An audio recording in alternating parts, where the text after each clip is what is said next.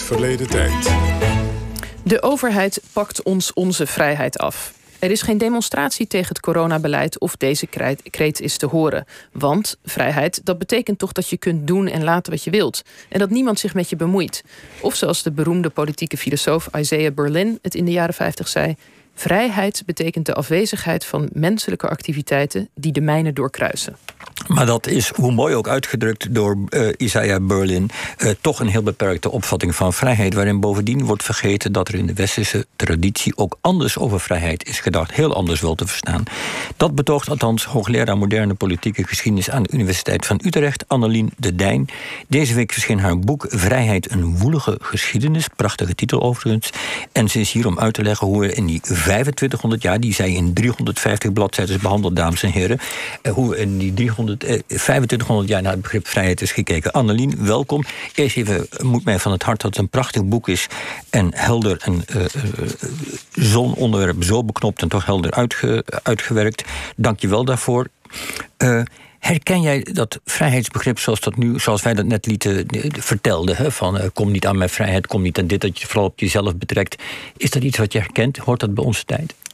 Ja, inderdaad. Als je kijkt naar hoe mensen vandaag praten over vrijheid, zeker in een politieke context, dan bedoelen ze daar heel vaak mee dat je als individu kan doen wat je wil.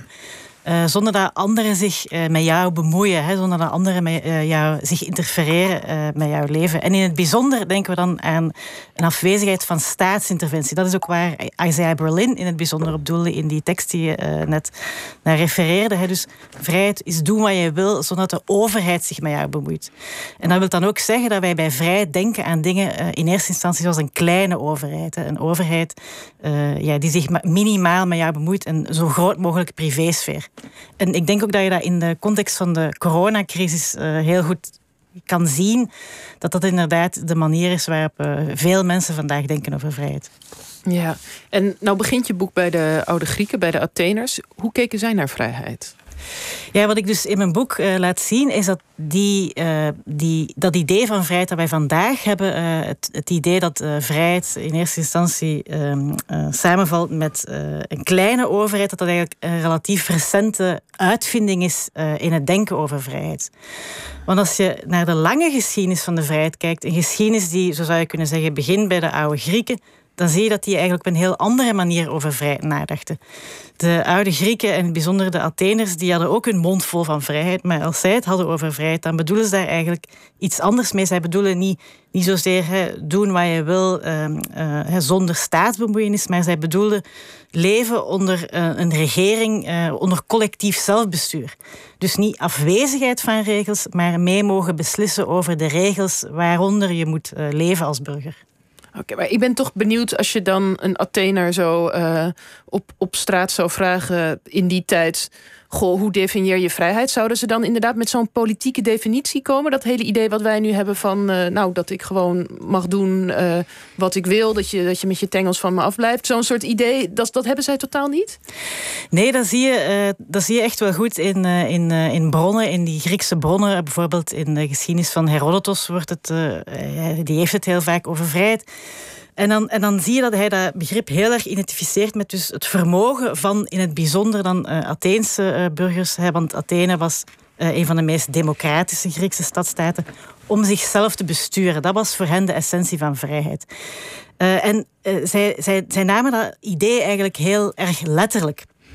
Dus als wij vandaag naar die Atheense democratie kijken, wat ons daar eigenlijk vooral aan opvalt, um, is hoe, beperkt die democratie in veel opzichten was. Het was een democratie waarin een groot deel van de bevolking werd uitgesloten van, uh, van, uh, van politieke deelname, zoals bijvoorbeeld vrouwen, zoals slaven, maar ook uh, vreemdelingen, zelfs vreemdelingen die al lang resident waren in Athene, mochten niet mee, meebeslissen. Maar er is ook een, een andere kant aan die Atheense democratie. Um, en dat is dat dit een democratie was die uh, er heel erg op inzette om ook niet-elite burgers te betrekken bij het bestuur. Uh, en um, om dat te illustreren met een, een, klein voorbeeldje. Dus Athene was een directe democratie. Het was ook een, een, kleine stadstijd, uh, wat dat ook mogelijk maakte. en belangrijke beslissingen werden dus genomen door alle volwassen mannelijke Atheense burgers die, als, als die iets belangrijk moesten beslissen, zoals bijvoorbeeld gaan we nu een oorlog trekken tegen Sparta of niet, dan kwamen zij samen, uh, fysiek, hè, op, op, een, uh, op een plaats die de Pnix heet. Ehm, en dan, dan werd daar gedebatteerd over die vraag. En op het einde van dat debat werd de hand omhoog gestoken. en, en, en op basis van de meerderheid van de stemmen werd dan beslist wat men ging doen. Nu, om ervoor te zorgen dat iedereen ook effectief kon deelnemen aan dit soort debatten, gaf de Atheense overheid een klein bedrag aan burgers. Uh, zo, dus ze betaalde eigenlijk haar burgers om deel te nemen aan, uh, aan politiek. En dat was dat een expliciet democratische bedoeling. Dus het idee daarachter was uh, dat iedereen uh, niet alleen het recht moest hebben om mee te beslissen, maar dat dat ook uh, een mogelijkheid moest zijn. En, en, dat ook arme burgers, met andere woorden, moesten kunnen, um, in de gelegenheid moesten zijn om mee te beslissen en niet verhinderd werden om deel te nemen aan politiek door geldgebrek. En dat er dus niet alleen beroepspolitici waren. Klopt, ja. Dus het, idee is echt, de Jan met de pet, ehm, ja, in die Griekse context zal het dan niet Jan zijn geweest, maar Epimonidas of zo, dat die ook, dat die dus, dat dat soort mensen mensen ook echt moesten kunnen meebesturen. Ja, dus je vrijheid die win je gezamenlijk met elkaar in een bepaalde organisatie van de samenleving. Mens als politiek dier. Nu beschrijf je in je boek uh, die opvatting van vrijheid uh, als volk het recht om jezelf te regeren. Dat je dat ook heel belangrijk vindt als mens. Uh, dat dat in de tijd van de vorsten en de middeleeuwen allemaal verdwijnt, min of meer verdwijnt. En dat het langzaam weer terugkomt in de 14e en 15e eeuw, de tijd van de Renaissance. En met name terugkomt in de 18e eeuw als uh, de grote revoluties van die 18e eeuw plaatsvinden in Amerika en in Frankrijk. Uh, kun, je, kun, je uit, kun je uitleggen hoe dan, als het terugkomt, waardoor, wat, wat er dan eigenlijk gebeurt, dat men die vrijheid is men kennelijk vergeten, dat het jezelf regeren is. Hoe kan het dan weer terugkomen ineens? Wel, dat heeft veel te maken met een, een, een groepje geleerden die wij uh, de humanisten noemen.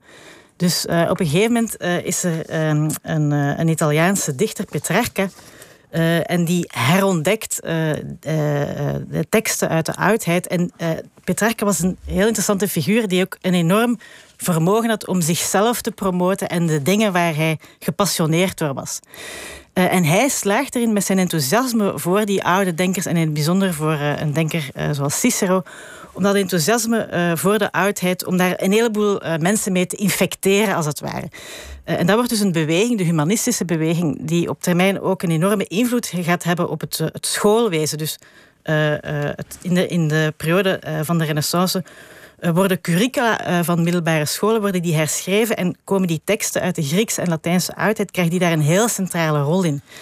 Dus je krijgt eigenlijk uh, hele generaties uh, van uh, jongens, dan met name Europese jongens, vooral dan uit de elite, die worden opgevoed met dus teksten uit de oudheid, waarin dat die vrijheid, en dan vooral vrijheid in de zin van zelfbestuur, waarin dat die een heel centrale rol krijgt.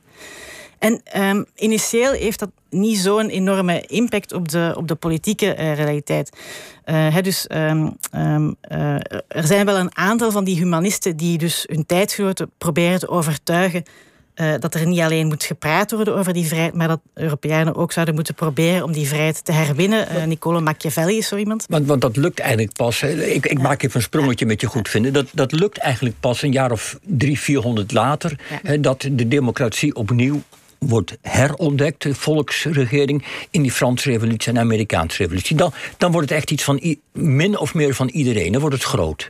Klopt. Hè? Dus uh, pas ja, in de late 18e eeuw breekt er dus een, golf van revoluties uit. Uh, in, niet alleen in Europa, maar ook aan de andere kant van de oceaan. Vandaar dat we die dus de Atlantische revoluties noemen. Ehm, en dat begint eigenlijk in, in Noord-Amerika, waar de Amerikaanse kolonisten rebelleren tegen de, de, ja, hun, hun Brits, het Britse moederland, zal ik maar zeggen.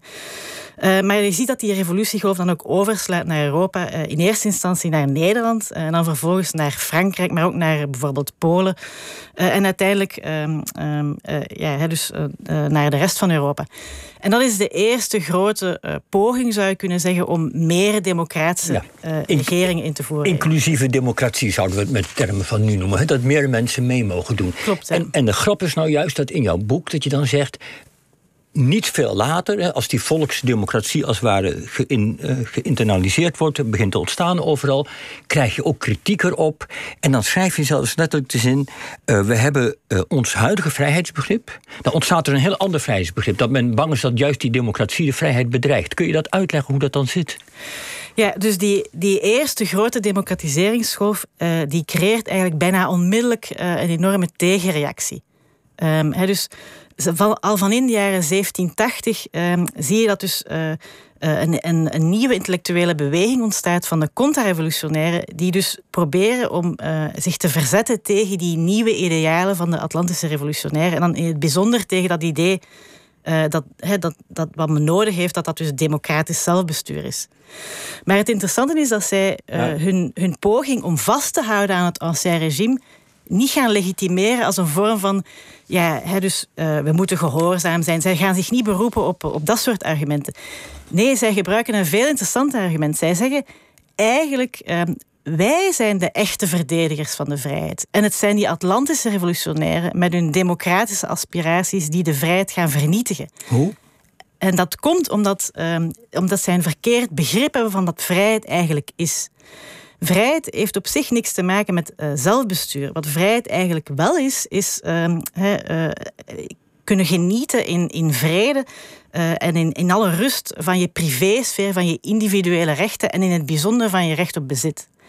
En zo vervolgen zij dat, dus die vrijheid, die individuele rechten, die worden eigenlijk niet alleen worden die niet geholpen door democratisering, nee, in tegendeel, die worden daardoor juist bedreigd. En hoezo dan? Want hoe bedreigt die democratisering de vrijheid van mij als ik in mijn tuintje wil zitten? Dat ik het land uitgestuurd word om te vechten voor de idealen van de Franse revolutie in een militair pakje? Hoe, hoe, hoe bestrijdt het dat? Daar hadden zij allerlei theorieën over. Dus uh, voor een deel uh, waren zij ervan overtuigd dat democratie gewoon geen werkbaar regime was. Dat uh, democratie onvermijdelijk zou leiden tot anarchie en tot chaos. En ze hadden natuurlijk een heel concreet voorbeeld dat hen daarvan overtuigde. En dat was het mislukken van de Franse revolutie. Want de Franse revolutie die beloofde wel democratisering, maar eindigde in de terreur en de militaire dictatuur van Napoleon Bonaparte. Maar anderzijds zie je dat er ook een enorme angst is dat democratie gaat leiden tot bezitsverdeling. En ook daar speelt die Franse revolutie een rol. Want de Jacobijnen, de allereerste poging om eh, in Europa progressief belastingstelsel in te voeren, was eh, onder de Jacobijnen, dus de meest democratische factie binnen de Franse revolutie. En, uh, dus, en hoewel de Jacobijnen ook daarin mislukken, stimuleert dat dus, of, of dus overtuigt dat dus veel van die conservatieven dat democratisering maar tot één ding kan leiden uh, en dat is een verlies van hun status en hun bezit. Ja. Maar laten we dan, uh, we moeten toch nog weer een grote sprong weer maken. We zitten al bijna aan het eind van het gesprek. Maar jij zegt dus van, daar hebben wij eigenlijk ons huidige begrip, begrip over vrijheid aan te danken. Het, het idee van inderdaad uh, een kleine overheid, het liefst niet te veel bemoeienis. Leg nog eens eventjes kort uit in één minuut. Wat is nou het gevaar daarvan? Want je ziet, je, je beschrijft het heel duidelijk in je boek als een gevaar. Ja, dus um, uh, uh, ik denk dat de coronacrisis duidelijk maakt wat het gevaar uh, is van, dit, van die uh, specifieke vrijheidsopvatting. dus die ja, in zekere zin conservatief-liberale vrijheidsopvatting, zo zou je het kunnen noemen. en dat gevaar is dat er een soort van dat er een valse tegenstelling wordt gecreëerd tussen vrijheid en een slagvaardige overheid. dus als het idee is dat vrijheid alleen kan bestaan als je je overheid zo klein mogelijk houdt, dan is dus elke poging van de overheid om, uh, om regels in te voeren, ook regels die breed gedragen worden, die breed democratisch draagvlak hebben uh, en die een duidelijk uh, ja, noodzakelijk doel hebben, zoals bijvoorbeeld bescherming van de volksgezondheid, dan Uh, ja, als, dan, als zelfs dat soort uh, regels, als zelfs dat soort wetten de vrijheid uh, um, inperken, dan, dan ja, daar creëer je een argument. Dan creëer je dus een valse tegenstelling, wel, of toch in mijn ogen valse tegenstelling, tussen slagvaardige overheid en individuele vrijheid. Goed, heel duidelijk. Uh, nou, wie de rest, de hele geschiedenis, 2500 jaar eh, vrijheid wil lezen, die moet uh, jouw boek lezen. En dat heet dus Vrijheid, een woelige geschiedenis. En het is uitgekomen bij Alphabet Uitgevers. En dit was